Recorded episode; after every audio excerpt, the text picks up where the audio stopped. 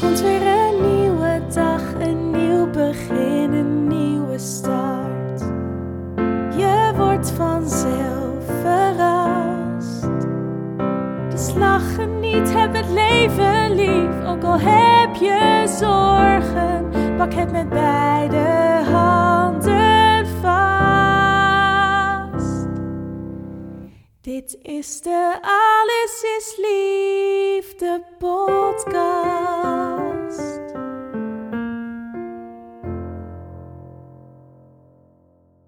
Welkom bij de Alles is Liefde podcast. De podcast over liefde, seks en relaties. Mijn naam is Rianne Roes. Ik ben relatietherapeut en eigenaar van samenalleen.com. In deze podcast ga ik in gesprek met grootheden op het gebied van liefde, seks en relaties. En de kennis en ervaring en inspiratie die ik daardoor opdoe, deel ik graag met jullie. En ik hoop hiermee ook jou te mogen inspireren. Wil jij ook meer uit jezelf en je relaties met anderen halen? Reis dan met me mee met dit avontuur dat liefde heet. Dit is de Alles is Liefde podcast.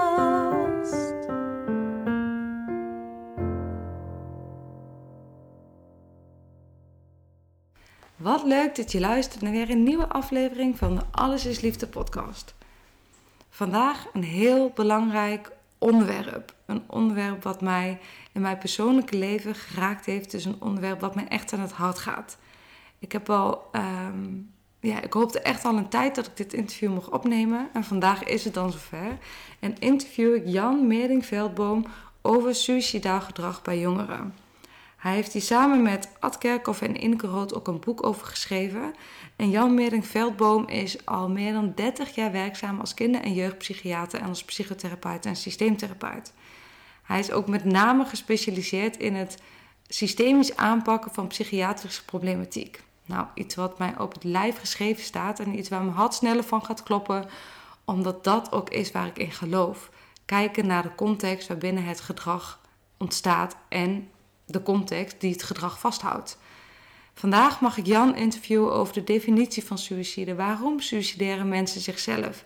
En we bespreken misverstanden, mythes over uh, dat het een schreeuw om aandacht zou zijn, dat het een egoïstische daad is, dat het een impulsieve daad is, um, dat er misschien niet zoveel behandeling mogelijk is, dat het een ziekte is die maar moeilijk te genezen is. We gaan over heel veel onderwerpen in gesprek, of in ieder geval over heel veel thema's binnen dit onderwerp in gesprek. Later komt er ook nog een interview met Ineke Rood, die ook dat boek Handboek Suicidaal Gedrag bij Jongeren uh, heeft meegeschreven. En daar gaan we nog verder in op de systemische aanpak uh, bij suicidaal gedrag bij jongeren. Maar vandaag eerst het interview met Jan. En Jan, dank je wel dat je me hier wilt ontvangen en dat we dit interview mogen opnemen over dit ingewikkelde onderwerp. En ook een onderwerp waar nog veel taboes over bestaan. Dus fijn dat we hier kunnen zijn. En dan uh, begin ik, zoals altijd, met mijn allereerste beginvraag. En die luidt: Waar denk jij aan als ik zeg liefde? Sterke verbondenheid, veel genegenheid, maar ook heel veel wederzijds vertrouwen in, in, de, in anderen en de ander. En ja, ook heel sterk accepteren van de ander, wat hij allemaal voor eigenschappen heeft. Ja, ja, dus ook heel erg gericht op de verbinding met de ander en de ander in zijn waarde laten. Dat is voor jou. Uh... Ja. Ook als het eigenschappen zijn die je niet zo leuk vindt of die je niet zo passend vindt of waarvan je zegt wat een onzin. Ja, ja. Of zoals een vriend het heeft gedefinieerd, het accepteren van elkaars gekte. Het accepteren van elkaars gekte, mooi gezegd. Ja. ja. dus elkaar niet willen veranderen, maar vooral in de waarde laten. Iedereen heeft irrationele uh, aspecten. Ja. En nou, dat, is dan zo. Ja, precies. Perfectie bestaat niet. Nee. Nee, nee. Nou, wat een mooi antwoord, dankjewel. En um, nou, vandaag gaan we het hebben over suïcide. Hè, dat um, uh, heeft in die zin veel met liefde te maken. Um, en ik zou je de vraag, suïcide, wat is de definitie van suïcide? Hoe, hoe wordt het gedefinieerd? Dus het moedwillig jezelf van het leven beroven. En niet zozeer omdat je denkt, nou, het wordt wel tijd voor mij om een keer dood te gaan. Maar omdat je in zodanige moeilijke omstandigheden zit dat je ook niet meer weet hoe je eruit moet komen. Dus ja. het is eigenlijk altijd een wanhoopsdaad. Ja, ja, een wanhoopsdaad en niet van mijn tijd op aarde is wel mooi geweest. En uh, ik vind het goed geweest, maar het is echt een wanhoopstaat. Ja, en het is ook niet te, de- te omschrijven met eh, de zelfgekozen dood. Nee. Dat kan wel zijn, dan past dat in, in de huidige discussie voltooid leven. En zou je het meer zelf-euthanasie moeten noemen dan dat het suïcide is. Ja, ja, en het is niet een voltooid leven. Nee, het is helemaal niet voltooid. En, maar je weet alleen niet hoe je het verder moet leven. Ja, Dus is een, eh, je zit ongelooflijk klem in een situatie waarvan je eh, denkt, hier kan ik nooit meer uitkomen. En het ingewikkelde daarbij is, er komt bij dat je dus in zodanige tunnelvisie zit ten aanzien van jezelf en je mogelijkheden en je toekomstperspectieven, dat je ook niet meer helder kunt denken dat er misschien toch nog wel middelen zijn om eruit te komen. ja. Het is alsof je in een klein, of in een grote donkere tunnel zit waar je gewoon niet meer kan zien dat er ook nog andere perspectieven zijn. Of dat er buiten nog de zon schijnt. Ja. Of dat als het donker is de sterren nog eh, aan, de, aan de hemel staan. Het is het moment waarop je echt geen perspectief meer ziet. Nee. Nou ja, ik vergelijk wel eens, als je zo somber bent, dat je echt, zoals het ook heet, de, uitdrukking is, in de put zitten. En als je aan iemand die in de put zit vraagt, beschrijf de omgeving van de put Ja. eens, dan kun je alleen maar een donker rondje aan de bovenkant van de put zien. En voor de rest heb je helemaal geen enkel uitzicht. Nee, nee, nee, precies. En hetgene wat je ziet is onbereikbaar voor jou, Ja. omdat je in die put zit. Ja. Dus het stukje licht wat er is, is niet voor jou bestemd op dat moment. Nee, Nee, het voelt als iets wat in en de je verre kunt er ook niet toekomst... meer uitkomen. Nee, Nee. nee, precies. Dus daarmee komen we denk ik ook op een... eh, want ik las in het... eh, jullie- je, hebt een boek geschreven en daar staat ook in dat zelfmoord eigenlijk niet een goede term is. Nee, je bent niet bewust bezig, je bent niet bedoeld bezig om iemand te vermoorden. Je wil alleen van dat lichaam af. Ja, Het lichaam is ook het huis van alle eh, ongewenste en wanhopige en depressieve en verstoorde gevoelens. En ja, het lichaam moet dus kapot gemaakt worden. ja. Het lichaam is eigenlijk het huis van dat lijden. Precies. En dan, en dan ben je dus ook van al dat lijden af als het lichaam eenmaal dood is. Ja. Om te zeggen, ik heb er enig plezier in of genoeg in om iemands leven eh, te vernietigen en te beëindigen. Dat is het niet. Nee, nee. Het is steeds weer, ik wil van het probleem af waarin ik zit. En ik zie geen andere mogelijkheid om dat te doen dan anders dan met mezelf van het leven te beroven. Ja, ja. ja, dus dat is ook meteen de reden waarom mensen hè, zich suicideren. Er is- Het is de wanhoop, de machteloosheid, het gevoel van uitzichtloosheid... wat maakt dat ze geen andere uitweg meer zien om eh, dan inderdaad eh, van het lichaam af te komen... om eh, ja, misschien toch in, betere, in een betere wereld te komen of in een betere staat van zijn... of hoe mensen ook denken over het leven na de dood. Maar in ieder geval in dit, in dit bestaan voelen ze niet dat er nog eh, voor hun iets weggelegd is. Nee. Nee. Nee, en er komen nog twee andere factoren bij. Men, als mensen langdurig suicidaal zijn, dus overwegingen maken, plannen maken, intenties hebben, soms voorbereidingen plegen, dan groeit bij hen in toenemende mate het besef dat ze er niet meer toe doen in de ogen van andere mensen. Ja, Dus Ja. waarom zou ik nog bestaan? ja. En het andere besef, en dat zijn dus hele starre ideeën die ze over Dat ze zichzelf echt het gevoel hebben van er is niemand voor wie ik er nog toe doe. Nee, dat, dat denken ze. Ja, nee, dat snap dat is ik. niet Dat zo, niet, nee. maar dat is hun gedachte. En een andere overweging is, ach, ik ben anderen alleen maar tot last, dus waarom zou ik nog moeten bestaan? Ja, Iedereen is ook wel gebaat bij mijn dood, want dan hebben ze geen last meer van mij. ja, ja, je bewijst eigenlijk je, voor je gevoel op dat moment mensen er een dienst mee. Want Ja, ze zijn van de kunnen last we beter van... niet meer zijn. Ja. Ja, ja, Ze hebben zorgen over mij, ze moeten me in de gaten houden, ze hebben, beleven geen plezier aan mij, dus kan ik maar beter niet meer zijn. Ja. Dus dat zijn twee hele eh, existentiële Ja, eh, overtuigingen die ze op dat moment hebben. Ja. Want en het is hele starre overtuigingen die naarmate het langer duurt steeds eh, ja, onveranderbaarder worden. Ja, ja. ja en daarmee, ehm, en wat mensen zeggen wel eens, suïcide is een egoïstische daad. Maar hè, dat, ik zie al Ja. hè, dat, dat je daar voor alles over kan zeggen. En ik ben er ook van overtuigd dat dat het niet zo is. Maar als je die twee eh, aspecten noemt, hè, van niemand bekomt zich om mij of hè, ik ben anderen tot last, dan is het eigenlijk juist een daad eh, wat tegenovergestelde is van egoïsme, Ja. omdat je juist anderen een dienst wil bewijzen. Ja, ook dat. Ja. Ja, ja. En hoe, want je zult die uitspraken vaker horen. Hè? Het is toch egoïstisch, of als ze het zelf willen, dan is het goed. Hè? Hoe, hoe kijk je daar tegenaan? Nou ja, ga je eens proberen te verplaatsen in de situatie waarin de suïcidale persoon verkeert. En zeg dan nog eens of het egoïstisch is om een eind aan je leven te maken. Ja, Nou, ja. dan wil je maar één ding van de situatie bevrijd worden. Ja, precies, van de, dat ondraaglijk lijden Ja. eigenlijk. Ja. ja. Ja, en dan is het zeker niet egoïstisch. Maar het is denk ik voor zoveel mensen die niet die, depressief, die mate van depressieve gevoelens kennen... eh, heel moeilijk om zich te verplaatsen in iemand die Ja? Van, dat, van die starre overtuigingen... of van die overtuigingen zo overtuigd is. Ja. Dat is heel moeilijk heel om, ja. om, als je dat zelf niet gekend hebt of niet ervaart, om je daar eh, in te verplaatsen, denk ik. Ja. Ja, ja. En, want ik las ook hè, dat tussen eh, jongeren tussen de 18 en 25 jaar is het doodsoorzaak nummer 1. Ik Ja. moet zeggen, daar schrok ik wel van. Ja, dat is natuurlijk toch maar een relatief cijfer. Eh, het punt is dat jongeren tussen 18 en 25 jaar heel weinig aan andere eh, oorzaken overlijden. Ja, dus ze hebben weinig ziekten die nogal dodelijk zijn. En er zijn relatief weinig verkeersongelukken waar ze... Tot 18 jaar zijn er veel vaker verkeersongelukken waar kinderen, jeugdigen het slachtoffer van worden. Mhm. Daar is het nog wel doodsoorzaak 1. ja, Eh, maar boven de 18 veel minder.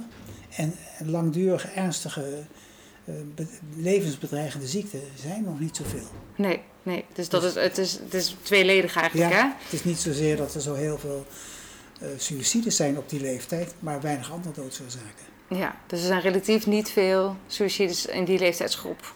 Nou, tussen 20 en 25 zijn het ongeveer 120 à 130 per jaar. Ja, En van tussen 10 en, en 20 jaar zijn het er globaal 48 à 50 per jaar. ja, ja. Het zijn oh, toch, hè, als je het zo vertelt, eh, flinke aantallen. Ja, ja. En een piek daarbij is rond 17 jaar.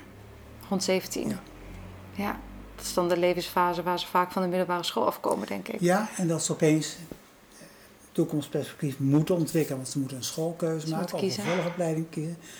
Dat wordt nogal eens gecombineerd met, straks moet ik het meer in mijn eentje gaan doen. Misschien Ja. moet ik wel uit huis voor mijn opleiding. Ik moet zelfstandiger worden, ik moet los, eh, losser van mijn ouders kunnen functioneren. Ik heb niet meer schooldocenten die op mij letten. Dus je bent, ja, je wordt toch voor het leven geworpen wat wat betreft zelfstandigheid en Ja. het leren van het dragen van verantwoordelijkheid. Ja, En als je dan zo klem zit en je ziet dat vooruit, hebt dat vooruitzicht, nou, probeer dan nog maar eens je te bevrijden van de angstige gedachten. ja, ja. En als je al, als je langdurig su- suïcidaal bent, heb je ook vaak een periode achter de rug waarin je stelselmatig minder sociale contacten bent gaan onderhouden. Dus je staat ook letterlijk daar alleen voor. ja. Want je gaat niet meer uit. Ja, je bent veel te somber om uit te gaan. Eh, je staat niet meer open voor contacten. Laat me nou maar. Hè. Ik zie het niet meer zitten. Ik ben veel te somber. Ik beleef er geen lol meer aan. Eh, contacten met ouders zijn vaak eh, ja, tot stilstand gekomen, zeg maar eventjes. Ja. Met andere woorden, ja, je voelt je ook heel eenzaam. En dan sta je voor op de drempel om in je eentje een nieuw leven te gaan starten. Ja, eigenlijk de wijde wereld in te Ja. trekken. Waarin je eigenlijk juist zo, op, vooral op die leeftijd, je vrienden en je peer group Precies. zo nodig hebt. Ja. ja. En die is er dan niet meer, omdat die En gedurende de jaren... de steun van je ouders op de Zeker. achtergrond. Ja, ja, Ja. maar wel als, eh, als fundament waar je op terug kan vallen. Precies, ja. Ja. En ehm, wat gaat er meestal vooraf aan een suïcide? Hoe ontstaat het? Wa- Wat zijn factoren waarin je ehm, ja, misschien af kan leiden... oh, deze, deze persoon wordt suïcidaal of die heeft een hoger risico op suicidaliteit. Hoe... Ja, dat is heel moeilijk te beoordelen, want alle factoren die bijdragen aan het kunnen ontstaan van suicidaal gedrag, dat is een veelheid van. Ja. En het zijn allemaal factoren zoals wij dat noemen op groepsniveau. Mhm. Dat wil niet zeggen dat er één factor bij zit waarvan je kunt zeggen, nou dat is echt een risicofactor. Het is altijd weer een combinatie van factoren. ja, En, maar je ziet heel globaal eh, dat de jongen, veel van de jongeren zijn binnenvetters. Die uiten Mhm. hun emoties en hun gevoelens niet. Ze hebben niet zo erg de neiging om bij volwassenen, ouderfiguren en anderen hulp te gaan vragen. Want ze zwijgen erover. ja, Je moet ook bedenken dat jongeren die suicidaal zijn, die weten dat ze dus eigenlijk aan het mislukken zijn in het leven. Ja. En het levert schaamte op. En door die schaamte willen ze er niet over praten. En in de vicieuze cirkel hè, voel je je eenzaam. Eenzamer, wordt steeds meer eenzaam. Je kunt zien ook nog wel dat veel jongeren van tevoren al, daarvoor al een wat onrustig en onregelmatig leven hebben gehad. Met wat verhuizingen, wat veranderingen in de gezinssituatie. eh, wat veranderingen van scholen en dus ook van eh leeftijdsgenoten, vriendengroepen. Ja. Ze zijn ook niet zo erg geneigd meer om, als dat vaker is gebeurd, om te investeren in nieuwe vriendschappen. Dus die vriendschappen blijven wat oppervlakkiger. Ja. Dus daar vinden ze ook geen gehoor voor als ze persoonlijke dingen willen uitwisselen. En ze hebben dan wel vaak contacten, maar dat zijn dus contacten met soortgenoten, om het zo maar te zeggen, waarmee ze eh, hangen en niks Mhm. uitwisselen. ja, waarin ze eigenlijk maar met elkaar zijn en eh, En niks Ja, zeggen. het met elkaar in stand houden. Ja. dus eigenlijk niet een diepste gevoelens met elkaar delen en ook Nee. niet eh, daar erkenning voor kunnen krijgen. Want als je het niet deelt, kan je ook niet je gehoord voelen door een ander. Nee. En dan kun je nog wat bij drinken en een joint bij roken. En dan voel je alle emotionele pijn niet zo erg. Dus dan verergert alleen de zaak. Ja, Maar goed, ja. het helpt ook helemaal niet. Nee, Maar tijdelijk alleen. nee precies. Het is even een verlichting, Ja. maar uiteindelijk is de klap eh, drie keer zo, eh, drie keer zo hard natuurlijk. Want als je dan weer je niet goed voelt of brak bent of hè, je eh, dag-nachtritme verstoord raakt, dan verlies je ook de structuur in je. eh, Ja, en neemt kans op spanningen toe. En je raakt wat gedesorganiseerd. Dus dan Ja. mislukken nog meer dingen dan nodig is. Ja, ja, het is echt een vicieuze cirkel Ja. die je beschrijft, waar jongeren dan in terecht kunnen komen, waar ze ja, als een soort drijfzand bijna, hè, waar je. Ja, het is een zelfversterkend proces vaak. Ja. Tenzij er op tijd melding van wordt gemaakt, hulp gevraagd wordt. Of wanneer andere mensen eh, toevallig iets oppikken als iets, iemand iets zegt van in de trant van ik zie niet meer zitten of voor mij hoeft het niet meer. Ja, Maar dan moet je er dus niet tegen ingaan, maar dan moet je juist gaan vragen hoe bedoel je dat? ja, het gesprek aangaan. Het gesprek aangaan. Ja, want ik denk dat vaak nog ge- gedacht wordt. Ik ga er niet op in, want wie weet breng ik hem nog verder Ja. op gedachten. Of het is vast een schreeuw om aandacht en deze vorm van aandacht wil ik eigenlijk niet bekrachtigen. Is dat iets wat je vaak tegenkomt in het... eh, Ja, helaas wel. Er is een, echt een mythe van als je over gaat praten kun je de kans vergroten. Dat is in tegendeel waar. Als je erover gaat praten verklein je de kans. Want hoe werkt dat? Want ik denk hè, dat als ik een, een, een, een vriendin van eh, een, eh, een jongere zou zijn, of als ik de moeder zou zijn van een kind en ik zou bewijzen van signalen krijgen: mijn kind is suicidaal. Ik kan me zo voorstellen, hè, als moeder ook zijn, dat ik denk. Enerzijds wil ik gewoon mijn hoofd, mijn kop in het zand steken en doe ik alsof het er niet is en misschien gaat het vanzelf wel over.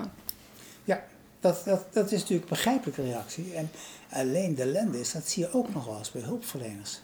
Dat die zeggen, nou laten we het daar maar niet over hebben. Ja, ja, Of laten we afspreken dat je niet doet. En waar gaan, Ja. we, waar gaan we het nu over hebben? Ja, Want ja, zodra je het hoort, dan moet je er eigenlijk wat mee. ja. Zeker als je hulpverlener bent. ja, En dus dan ben je op dat moment degene die weet van het bestaan van suicidaal gedrag. En die ook eigenlijk min of meer, ten dele in elk geval, verantwoordelijk is voor een goed verloop daarna. goed verloop van de behandeling. Ja, maar ook een verwijzing naar de juiste instantie. Want het kan ook een eh, trainer van de, van sport zijn. Het kan een leerkracht zijn op de middelbare school die het voor het eerst hoort. Of een huisarts waar die jongen of meisje voor iets anders komt. En dan zegt, ja, ik ga je een lange kuur geven. Nou is dat nou wel nodig, want eh, ja, voor mij hoeft het eigenlijk niet zo erg meer. Mhm. En dan moet je dus en heel goed luisteren Ja, en het gesprek erover aangaan. Je moet en alles serieus nemen en niet denken het is een schreeuw om aandacht. Dat is echt een onzingedachte, een hele ja foute is echt gedachte. een misvatting. Echt een grote denkfout. Ja, en je Ja. moet zorgen dat iemand bij de juiste hulpverleningsinstantie terechtkomt om in alle opzichten geholpen te worden. Want Ja. er moet er veel gedaan worden. Ja, zeker. En als je hulpverlener bent of je bent moeder hè, van, de- van het kind wie eh, zulke soort uitspraken doet, wat zijn dan vragen die je kan stellen? Als je het heel praktisch, even heel Ja. concreet, wat voor vragen kan je stellen die, die helpend zijn? Nou, eigenlijk moet je een onbevangen nieuwsgierigheid aan de dag leggen om alles te weten van de suïcidale gedachten, de plannen, de overwegingen. Hoe stel je jezelf de dood voor? Heb je al eens op internet gekeken hoe je het zou willen doen? Eh, Mhm. wat voor mogelijkheden zijn? Heb je al misschien voorbereidingen getroffen? Zijn er andere mensen die het weten? Eh, heb je nog andere mogelijkheden onderzocht om uit de problemen te komen? En dat allemaal moet je gaan vragen eh, zonder oordeel te vellen van ja, maar dit is wel heel ernstig of dit valt wel mee. Ja, te overtuigen bewijs van, Ja. hè, maar meer voor je eigen gemoedsrust. Tuurlijk, je wil heel graag weten dat het, niet, dat het wel meevalt en dat het niet ernstig is. Maar zodra je dat laat weten, voelt de jongere zich niet serieus genomen. Ja, Dan, en dan bev- bevordert weer het gevoel van eenzaamheid. Ja. Want zie je wel, Ja. er is toch niemand. Het leek een opening te zijn, maar uiteindelijk is er toch niemand met wie dit gesprek met mij wil aangaan. Dus, ik ben als een jongen iets oppert, dan Mhm. is het vaak de allereerste keer dat hij het oppert bij iemand anders. Eh, omdat hij er heel weinig over praat. En is het eigenlijk een hele gouden kans Ja, om nu het gesprek er uitgebreid over aan te gaan. Zodat de jongere ook het gevoel heeft dat hij uitermate serieus wordt genomen. En dat zijn suïcidedag ook als heel belangrijk wordt gevonden. Belangrijk genoeg om er alles van te willen weten. ja, Dus dan, wordt hij, dan is hij ook, ook weer in de ogen van die ander, is hij een belangrijk iemand waarvan alles Die ertoe moet doet. Ja, Dus je geeft al pratende, geef je dus tegengif tegen die centrale overtuiging, je doet er niet toe. ja, En je moet natuurlijk niet zeggen van, ja, nou, nou je, je bezorgt me wel een moeilijke situatie, want nu moet ik Ja. er wat mee. Ja. Want dan krijgt hij weer het gevoel, tot je, last. ik De tweede overtuiging. Juist. Ja, ja, Ja. dus dat, het is echt het open aangaan van het gesprek, nieuwsgierig zijn. Nieuwsgierig eigenlijk zijn. alle vragen die je hebt, niet om jezelf gerust te stellen, maar eigenlijk alle vragen die je zelf misschien wel hebt over de dood. Ja. Wat is er na de dood? Hoe zie je de dood Ja. voor je? Eh, hè, wat brengt het je als je er niet meer bent? Hè? Dat, dat eigenlijk dat gesprek echt voeren. Ja. Ja, en daarin niet vragen stellen die of hè, opmerkingen maken die veroordelend zijn of die aangeven hoe lastig het voor jou wel niet is dat, dat diegene zijn zorg met jou deelt. Je mag bijvoorbeeld wel zeggen, ik vind het zorgelijk, maar je moet niet zeggen, jij maakt mij bezorgd. Ja, of jij brengt mij in een moeilijke situatie. Ja, dat helemaal niet. Nee, nee. Daar ben je voor. ja, precies. Ja, ja. En dit geldt eigenlijk voor iedereen. Dit geldt voor zowel de trainer als de huisarts, als de, de vader of de moeder, Ja. als de tante, als de buurvrouw, als wie dan ook. Ja. Dit soort vragen, die mag je echt wel stellen. Daar hoef je niet eh, speciaal voor opgeleid te Nee, zijn. maar je moet wel weten welke vraag je stelt. Eh, En je moet weten dat je dus niet veroordeelt en, enzovoort enzovoort, wat we net bespraken.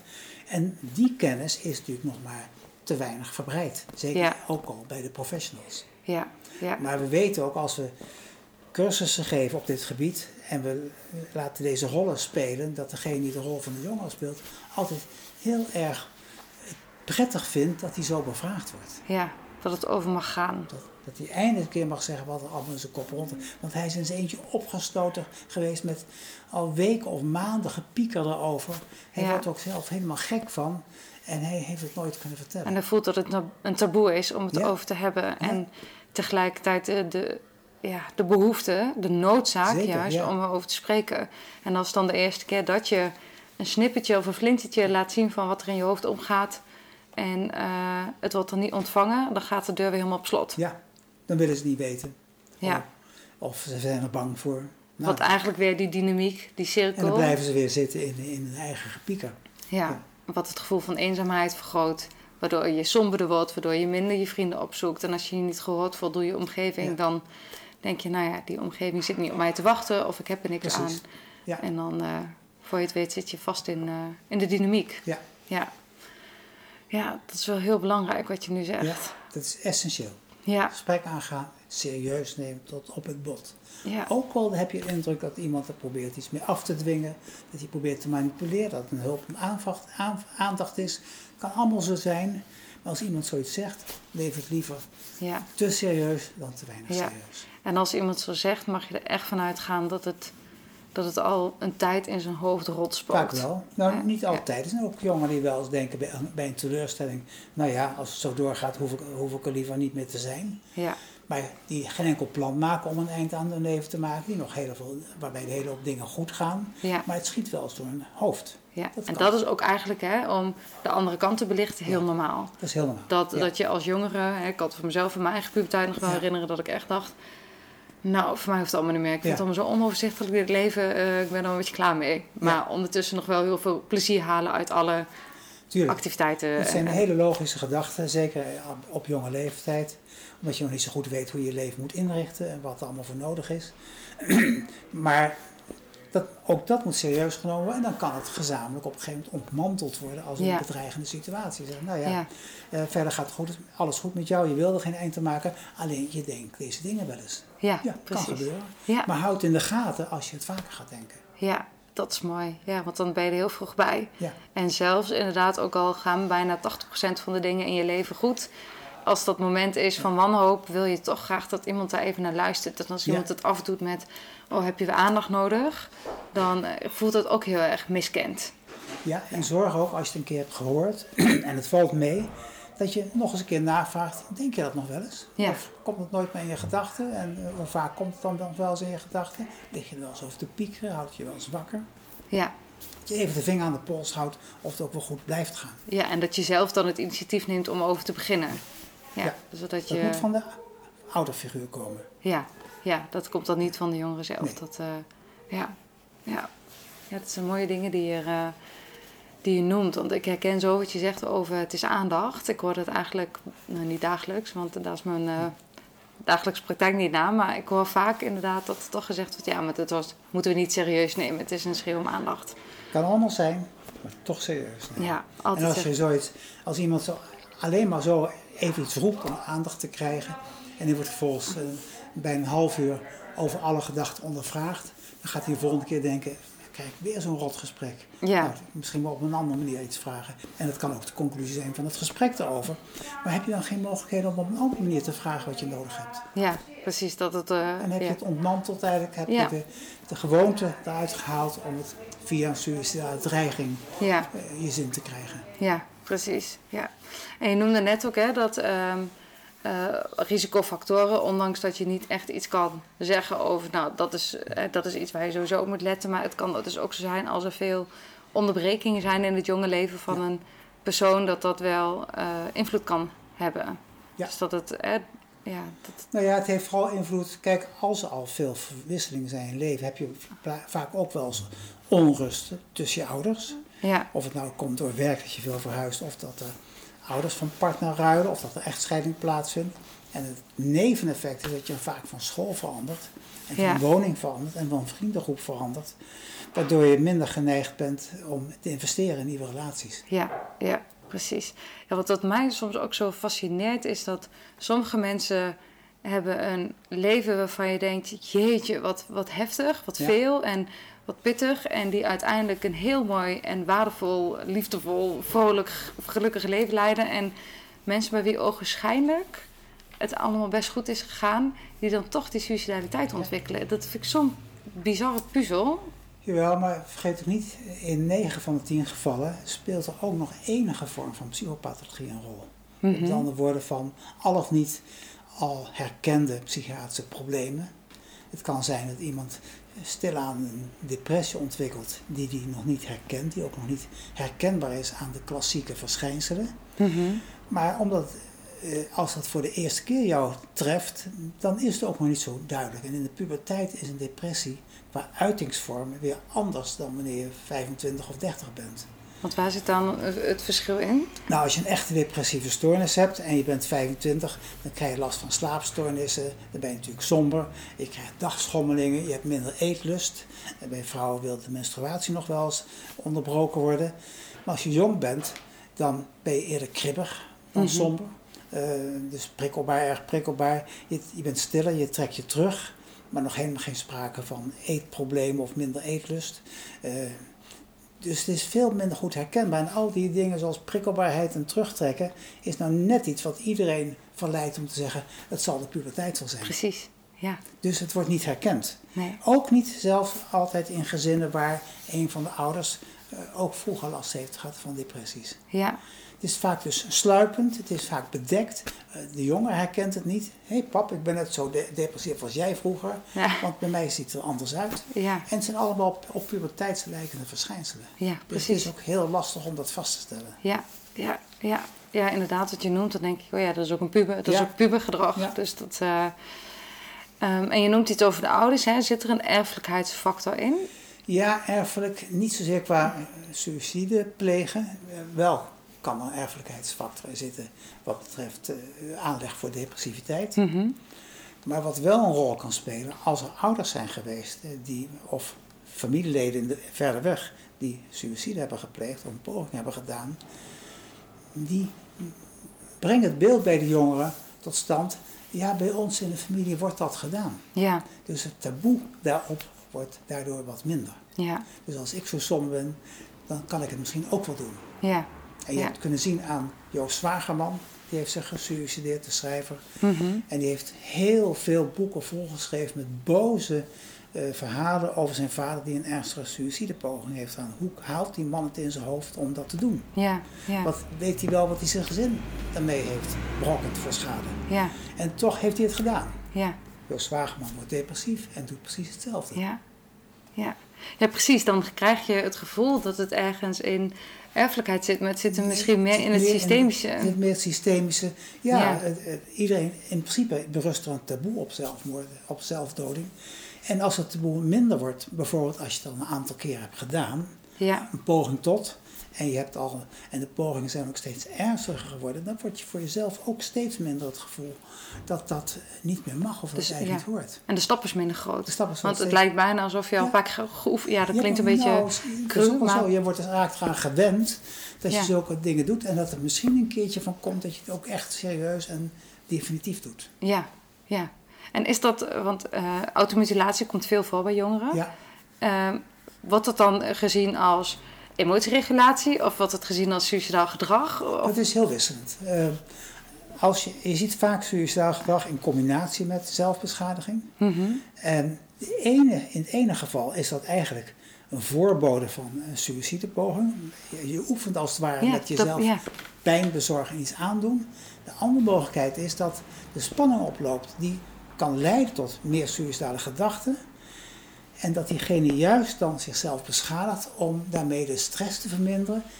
Om te voorkomen dat hij suïcidale gedachten krijgt. Ja, Dus dit is eigenlijk dan eh, tegen suïcide gericht. ja, ja, precies. Ja. Ja, ja, ik herken allebei wat je zegt, Ja. inderdaad. Dus, dat is, en dat is ook heel moeilijk, want het gedrag is hetzelfde, maar de context en de intentie Je moet dus kan wezenlijk verschillen. Je moet altijd bij mensen die zichzelf beschadigen ook vragen naar of ze wel suïcidale gedachten hebben. En hoe dat dus met elkaar in relatie staat. Ja, ja. Wat is je intentie van Ja. dit gedrag? Hè, wat hoop je ermee te bereiken? Ja. Ja. Ja. Want dat is, ja, ik, ik zie het gewoon veel op school. Het lijkt ook alsof het toeneemt hoor. Neemt toe, maar, beslist, ja. ja, ja. Ja. ja. dan, eh, je mag het misschien niet zeggen, maar dan lijkt het soms ook een trend waarin jongeren elkaar eh, ehm, ja, niet per se het voordoen, maar wel aangeven, oh, dit helpt mij. Ja, Hè, net als dat je. elkaar, ja. Ja. En het is allemaal korte termijn werk, maar goed, het helpt eventjes. Ja, ja. En ehm, je zegt eigenlijk hè, dat oefenen, dat, oefen, ja, dat gedrag, meestal zijn er wel echt wel wat ehm, signalen waarop je kan merken dat een jongen echt wel wat suicidaal gedrag Ja, laat dat, is, zien. dat of- is wel een lastig probleem, want het is ook weer jezelf terugtrekken, ja, eh, eh, somberder zijn, prikkelbaar zijn, eh, contact vermijden. en het zijn ook allemaal dingen die we dus in de gewone puberteit ook regelmatig Precies. zien, waarvan we denken en hopen dat het gaat wel over. ja, Dus het zijn hele onduidelijke signalen. Je mag dus eigenlijk van geen enkel signaal denken, oh, dat, dat zou wel eens kunnen wijzen op een suïcidale trend. ja. ja, dus het is toch dat gesprek. Ik merk dat ik Ja. steeds in mijn hoofd daar weer op terugkom. Het is, Ja. ga dat gesprek aan over de bedoeling, over de intentie, over wat het je oplevert, over eh, hoe, je de, nou, hoe je in het leven staat, hoe je naar de Ja. dood kijkt, of je plannen maakt. Dat gesprek, dat is eigenlijk het eh, allerbelangrijkste. het allerbelangrijkste. Ja. En het contact wat je daarmee houdt. En vergeet ook niet het contact wat je daarna moet onderhouden. Ja. Want je kunt wel zeggen, we hebben nu een, gesprek, een mooi gesprek gevoerd. En je gaat morgen maar naar je huisarts voor een verwijzing naar. Maar onderhoud het contact. Ja. Vraag daarna na, hoe is het geweest? Is het gelukt? Heb je verwijzing gekregen? En laat me even weten waar je naar naartoe gaat. En laat me over een paar dagen nog eens weten hoe het met je gaat. Blijft betrokken. Precies. Ja. ja. Terwijl het voor hulpverleners soms ook kan zijn, poeh, ik heb een plicht gedaan. En het voelt natuurlijk ook als een last, een verantwoordelijkheid die je voelt. Van wat als jouw cliënt eh, zich suicideert. Dat het, die angst maakt ook dat je bepaalde handelingen wel of niet doet. Ik heb hem toch goed verwezen. Ja, En dat ja, doet hij toch. ja. Maar je moet dus contact blijven het onderhouden. contact En onderhouden. eigenlijk is bij jongeren het devies, als jij niet belt, dan bel ik jou.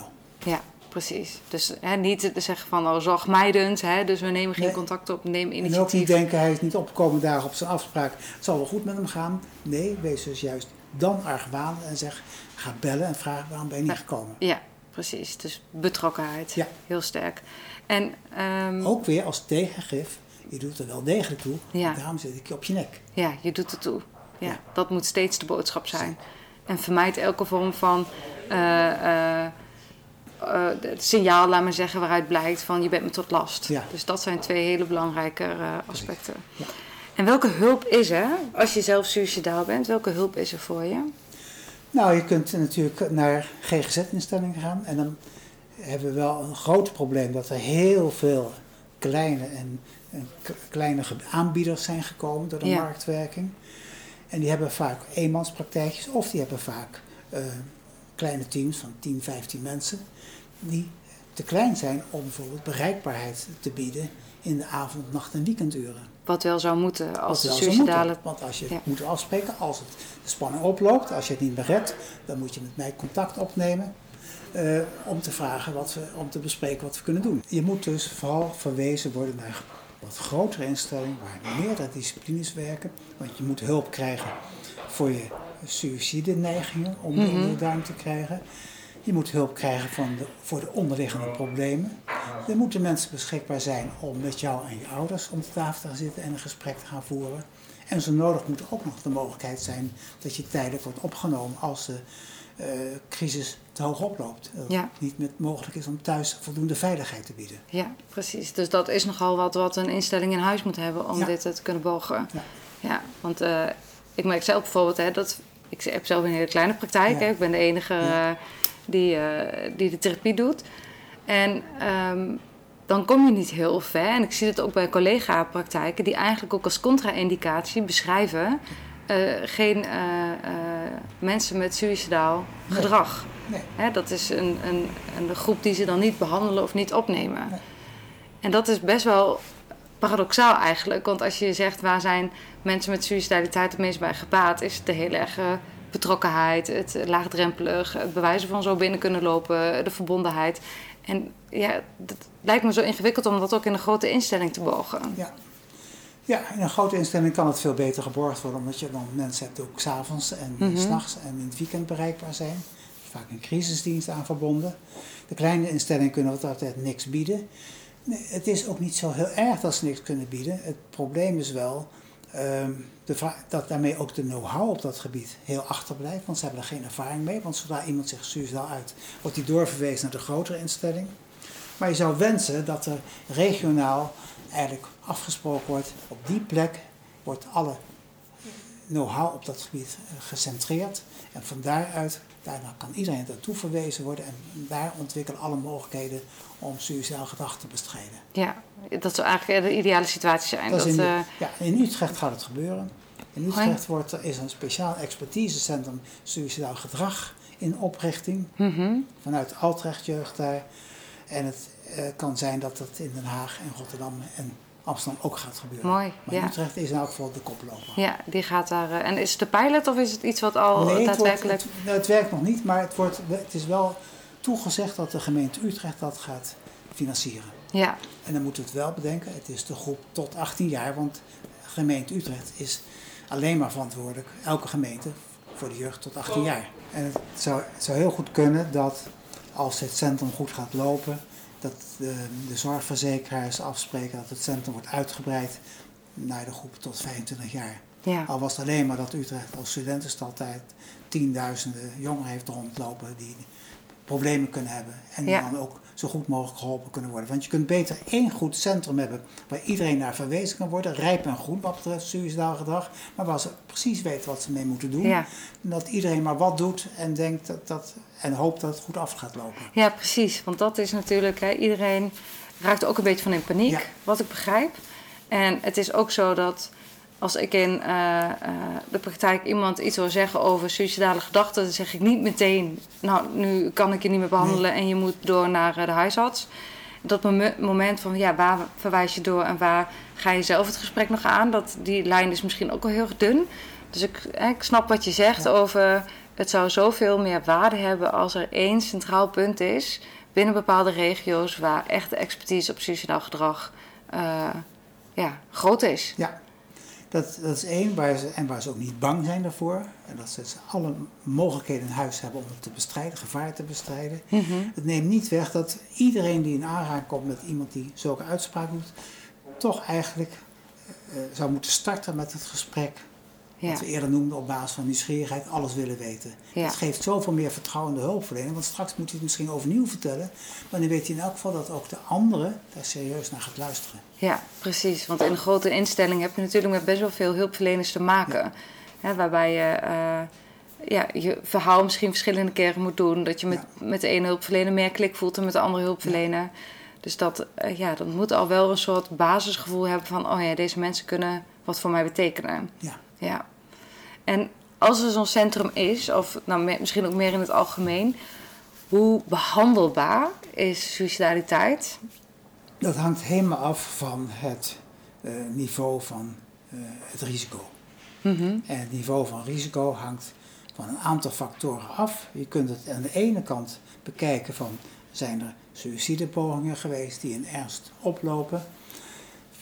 Voor is iemand in staat om een einde aan zijn leven te maken? Kan hij dat? Durft hij dat? Heeft hij daar de vaardigheden voor? Zijn er suïcides in de familie die het allemaal wat meer voor de hand liggend gaan maken? Dat is Ja. de ene manier van bekijken. En de andere manier is van, ja, in welke fase van de ontwikkeling van zijn suïcidale intenties verkeert hij momenteel? Ja. Worden er al plannen gemaakt? Zijn er voorbereidingen gepleegd? Is hij nog in staat om contacten over te, aan te gaan met iemand anders? Met andere woorden, is er nog over te praten? Ja, En ja. dat bepaalt welke ingreep je moet doen. Ja, het is ook de, inderdaad de, de mate van isolement. Ja. eh, en eigenlijk de levensgebieden, vrije tijd, thuis en, en school of in ieder geval werk. Ja, Dat- en maar vooral ook van hoe eh, intens is hij bezig met het suïcidale Ja. proces? Of zijn het een beetje voorbijgaande gedachten? Is het eh, wel gepieker en regelmatig het idee, ja, ik zou het toch eigenlijk wel willen doen. Maar dan overheerst nog de tendens, ja, maar ik wil het niet echt, ik wil niet dood, en ik wil Nee. mijn ouders niet aandoen en bla bla bla. ja, Dan valt het mee. Maar als Mhm. er al plannen worden gemaakt, voorbereidingen, op internet gezocht hoe het moet. Als je al hebt gekeken naar welke flat je kunt springen en voor welke trein je kunt springen, ja, dan wordt het ernstig. En dan moet er echt ingegrepen worden. Dat wil zeggen dat er maatregelen worden genomen om de veiligheid zo groot mogelijk te maken. En wat zouden die maatregelen kunnen zijn? In de eerste plaats, altijd samen met de ouders Mhm. kun je kijken, is er, is er een mogelijkheid om een veiligheidsplan te maken. En een veiligheidsplan, daarin houdt de jongeren bij wanneer de suïcidale gedachten zo sterk mogelijk worden, waardoor dat komt en wat hij daar zelf aan kan doen om de intensiteit van die gedachten te verminderen. Ja, ja, En natuurlijk moet gekeken worden als hij voortdurend bezig is om te kijken hoe hij een eind aan kan maken, dan moet je iemand misschien tijdelijk opnemen.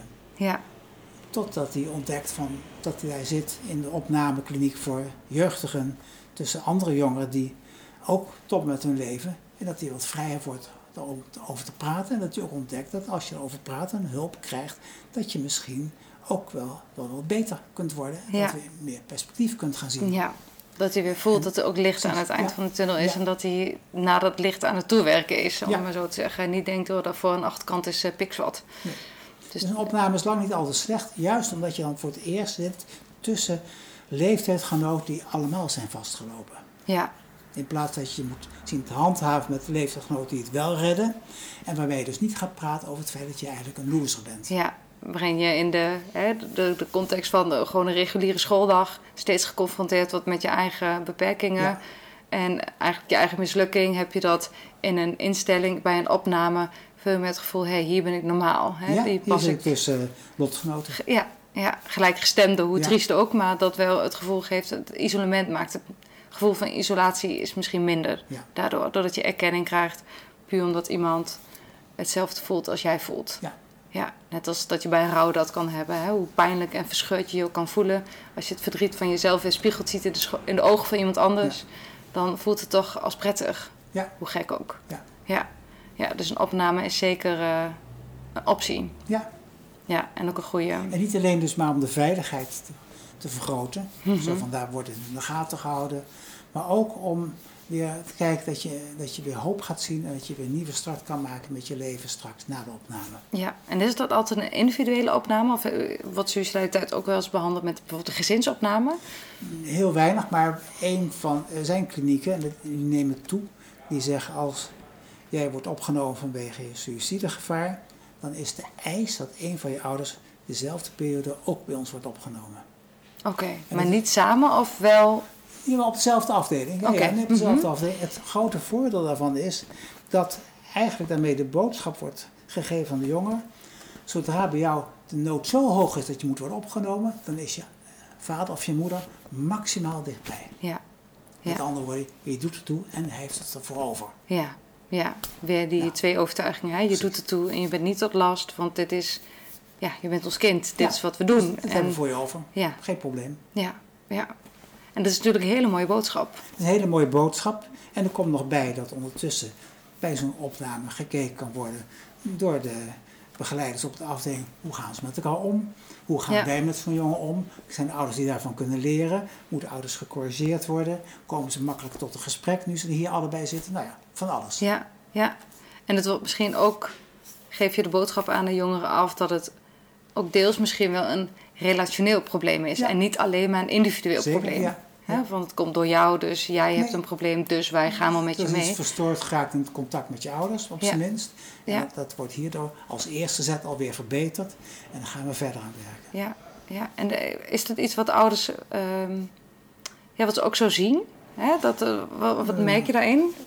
Dat ze doen omdat het voorgeschreven wordt? Of is het ook dat ze voelen, oh ja, wacht even, het is ook in interactie met ons misschien wel deels Ze hebben ontstaan? vaak al heel lang last van het feit dat er contact zo op de achtergrond is geraakt. Dat ze niks meer uitwisselen. Dat ze, je kunt vragen, gaat het goed met je? En dan krijg je een antwoord, ja, hoezo? Of nee, hoezo? Daar ga ik niet over praten. Dus ze zijn al lang blij, Mhm. heel vaak blij dat het contact weer hersteld Dat wordt. er Het andere... is leeggelopen. Ja, Het is ontaard in wederzijds geprikkeld reageren, niks meer tegen elkaar zeggen, dan ook niks meer vragen. Oké, nou dan ben je blijkbaar niet in mij geïnteresseerd. ja, En allemaal misvattingen over elkaar die dan hersteld kunnen ja, worden. en de machteloosheid neemt het over Ja. in het hele gezin. Ja, dus dan is een eh, opname in die zin misschien ergens eventjes een verademing omdat er een nieuwe energie komt. Ja. En Ja. de ouders zijn even ontlast van hun zorg over de veiligheid van hun kind thuis. Ja. Ja, de angst als het kind eh, zegt ik ga eh, een zak chips halen en niet weten Ja. eh, wat daadwerkelijk het plan is. Ja. En als je het zo schetst, dan denk ik de behandeling van suicidaliteit is wel echt complex. Nou, het is in elk geval, er moet op veel fronten wat gedaan worden. Ja. Je moet de veiligheid gaan, moet je zien te verbeteren. Je moet met de ouders om de tafel en het gezin om de tafel gaan zitten. En je moet naar de onderliggende problemen kijken. En het kan Ja. ook zijn dat er psychiatrische stoornissen moeten worden behandeld. En het kan ook zijn dat iemand weer geoefend moet worden in psychosociale vaardigheden. Zoals voor zichzelf opkomen of zichzelf leren Ja. uiten. Dus me- ja, als iemand suicidaal wordt, is er meestal een veelheid van problemen Ja, geweest die al maandenlang aanwezig zijn geweest. En niet echt aan de oppervlakte zijn gekomen. Maar uiteindelijk hebben aanleiding gegeven tot, een- tot suïcidale gedachten Ja. en intenties. Dus er, moet, er is veel werk aan de winkel. ja, Ja. ja. En dat is meteen ook eh, voor mij heel duidelijk, weet je, als kleine praktijk of hè, ook al heb je een man of vijf, zes in dienst, je moet het niet willen. Want je hebt niet eh, de veelzijdigheid aan behandelingen Nee. in huis om Nee. dit soort problematiek goed te behandelen. Dus dan maak je misschien eerder wat stuk in het vertrouwen in Ja. een positieve behandeling, dan dat je daadwerkelijk iets eh, bijdraagt aan. ja, want je suggereert dat jij het wel op je wil nemen. Ja, Maar je kunt niet in je eentje. nee, dat en is je moet het ook niet in je eentje doen, want je blijft ook vaak zitten met vragen: heb ik het wel goed gedaan? Zou het wel goed gaan? En ik hij heeft al afgesproken dat hij zich aan zijn veiligheidsplan zou houden, maar ja, heb er geen idee van of dat thuis ook gebeurt. je kan het bijna niet monitoren. Je kunt het niet Nee. monitoren, dus je, het is ook een emotionele zware last van een hulpverlener om met een ernstig suïcidale jongere de enige behandelaar te zijn. Ja, ja. De hele verantwoordelijkheid rust op jouw schouders. Je hebt niemand als sparringpartner, niemand om jouw ideeën over. Ik heb waarschijnlijk wel goed gedaan om dat te controleren, om dat uit te wisselen. Ja, Dus ja. je, je moet ja. niet in je eentje. Nee, en je moet inderdaad veel eh, behandelmogelijkheden hebben. Ja, Of het nou opname is, of Ja. dat het ambulant is, polyklinisch, is het met ouders, zonder ouders, is het eh, een stukje eh, training, is het eh, emotieregulatie. Je Ja. moet eigenlijk heel in de context gaan kijken wat, welke factoren hebben allemaal in stukjes bijgedragen aan het feit dat de suicidaliteit is ontstaan. En eigenlijk op de deelstukjes ga je dus behandelen. Ja. En dat is per jongere kan heel uniek. verschillend zijn. Ja, ja. en uniek. Ja. ja, ja. Ja, en ehm, we hebben nu heel erg over de behandeling. Wat is, eh, als het goed gebeurt, is, het- is, het, goed, is het goed behandelen? Heb, ik- ik- Het is meestal goed te behandelen. Ja. ja, Kijk, het, het- de enige groep die, eh, waarvan ik denk, ja, die kun je niet ook proberen wijs te maken dat ze heel veel hoop in de toekomst moeten hebben. Dat zijn de jongeren die ernstige problemen hebben, die, waarvan je eigenlijk ook als behandelaar al weet, dat wordt nooit beter. Dat perspectief is ook Ja, eigenlijk bijna hebt- realistisch. Jongeren hebt Ja. die zijn die van, van jongs af aan, vanaf een 13 of 14 jaar, psychotisch zijn geweest. En die ondanks alle behandelingen nooit meer op een fatsoenlijk niveau kunnen functioneren. Die al hun vrienden in de loop van de jaren zijn kwijtgeraakt. Die hun scholen niet hebben kunnen afgemaakt daardoor. Dus ook niet meer kunnen werken. Die makkelijk eh, overprikkelbaar zijn en vermoeibaar zijn. En die dan van tevoren, voordat ze psychotisch werden, een hoog idee hadden van wat ze zouden kunnen bereiken. Bijvoorbeeld omdat ze een VWO-niveau in Mhm. huis hadden. Dan is de kloof tussen wat ze hadden gedacht te bereiken en wat ze door een stoornis helemaal niet meer kunnen bereiken, is zo groot dat dat tot heel veel idee kan leiden van dat is geen leven voor mij. Nee, nee, Ik zag mezelf op de universiteit zitten en ik kan nu een beetje in het park rondscharrelen. Ja, een beetje uh, film spreken, Ja. bij wijze van. En het is een hele... eh, eh, ik weet even het woord even niet hoor, maar het is misschien niet een heel, hele... eh, wat is het woord? Controversieel? Maar in ieder geval, op het moment dat je het over het kleine percentage hebt waarbij je denkt, dit, dit uitzicht is ook heel minimaal. Dat is ook heel klein. Ja, ja. En, En- dat heeft ook te maken met het feit dat je met jonge mensen te maken hebt, waarbij nog helemaal niet duidelijk is dat als er psychiatrische problemen zijn, hoe dat in de komende jaren alsnog kan verbeteren. Ja, Dat moet je nog uitvinden. Ja, dus daarom, hè, wat soms de laatste tijd ook in het nieuws, hè, of zo'n pil die euthanasie zou moeten kunnen be- bevorderen. ehm, nou ja, daar hoef ik het niet over te hebben, maar ik ben soms zo benieuwd wanneer dat ondraaglijk lijden. Er Ja. zijn soms ook documentaires over Ja. op televisie, ook bij hele jonge mensen, dat ze in een euthanasietraject komen. Ja, ik heb daar heel veel gevoelens bij, maar ik krijg ze niet echt in een, eh, in een congruent geheel. Maar hoe, hoe zie jij dat? Hoe, Nou ja, er zijn wel jongeren die al zes, zeven jaar in een klinische opname zijn geweest en eigenlijk geen verbetering tonen. En als die dan, ondanks alle hulp die er geboden is, besluiten van ja, voor mij is geen enkel fatsoenlijk perspectief weggelegd, kan ik me daar wel iets bij voorstellen. ja, Maar dan moet je ook zeker weten dat je ook echt alles hebt gedaan om te proberen er alles uit te halen wat er eventueel nog in zit. ja, Dus alle pillen, alle behandelingen, bij wijze van spreken. Bij ernstige depressies ook nog de elektroconvulsietherapie, dus de elektroshock zeg maar Ja. eventjes toepassen. ja, Naar de professor sturen om te kijken of een second opinion nog andere mogelijkheden biedt. ja, Dan moet je ook wel echt alles Ja, uitproberen. precies. Je bent wel verplicht om dan het uitputtend uit te zoeken van wat is nog wel mogelijk. ja. Wat is er nog wel aan? En eh, zo niet, dan is het een hele treurige situatie. Dan denk ik, ja, maar dan is het wel een overwogen keuze Ja. geweest. Ja, want soms denk ik dan in dit soort echt uitzonderlijke situaties, dat snap ik hoor. Maar het zou misschien zo waardevol zijn voor de nabestaanden als het in samenspraak is. Ja? Dus dat je het er met elkaar over Ja. kan hebben, zodat er een vorm van afscheid is. En zodat niet voor, voor de jongeren zelf misschien ook, maar ook voor de nabestaanden. Hè? Dat je als ouders kan voelen, we hebben afscheid kunnen nemen. En we kunnen het zien als een, hè, een ziekte. Eh, Kanker kan soms ook ongeneeslijk zijn. Ehm, dat je dus dat moment van afscheid hebt. Dat Ja. gun ik soms. Maar ik, wil, ik geloof ook in de veerkracht van mensen. Dus nou, ik vind het een heel ingewikkelde. dat is ook zo. Ja, Ja. je moet dus heel zwaar aan tillen om dat zo goed mogelijk uit te zoeken. Ja, Echt maximaal inspannen om alles uit te proberen, alles uit de kast te halen. ja, En dan kan iedereen er relatief vrede mee hebben dat er niks meer mogelijk is en dat het vooruitzicht zo mistroostig is dat, dat je je kunt voorstellen dat iemand zegt, ja, maar dat, dat soort leven wil ik niet aan. nee, precies. Ja. En want hoe is het voor. Is het, hè, een dierbare verlies is altijd heel pijnlijk. Dat brengt je altijd in een rouwproces. Is dat bij een suïcide anders? Wat Ja, voor- bij suïcide is het, altijd, is het altijd wel anders, omdat in principe is het een dood die niet strikt noodzakelijk is. ja, Er was misschien nog hulp mogelijk om jou uit je van beklemmende gedachten te halen en je perspectief te vergroten. Dus het is, het is een niet noodzakelijke dood.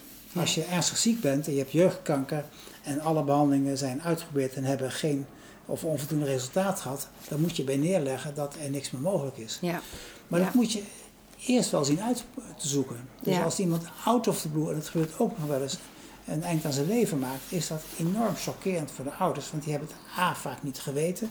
En B, ja, die hebben denk ik ook wel gedacht, maar was dan niks aan te doen geweest? Nou, dat weet je soms niet als het zonder voorafgaande signalen gebeurd is. Ja, ja, ja. Dus En dan is het soms wel helpend voor ouders als daar een psychologische au- autopsie wordt gepleegd, waarbij je dus samen met de ouders en, en eventueel hulpverleners als die in beeld zijn geweest, probeert een reconstructie te maken van door welke factoren is het gedrag Ja. ontstaan. Wat zou er nou aan de hand geweest kunnen zijn dat hij of zij dat besluit heeft genomen of zich heeft gedwongen gevoeld om dat besluit te nemen door zijn overheersende gedachten.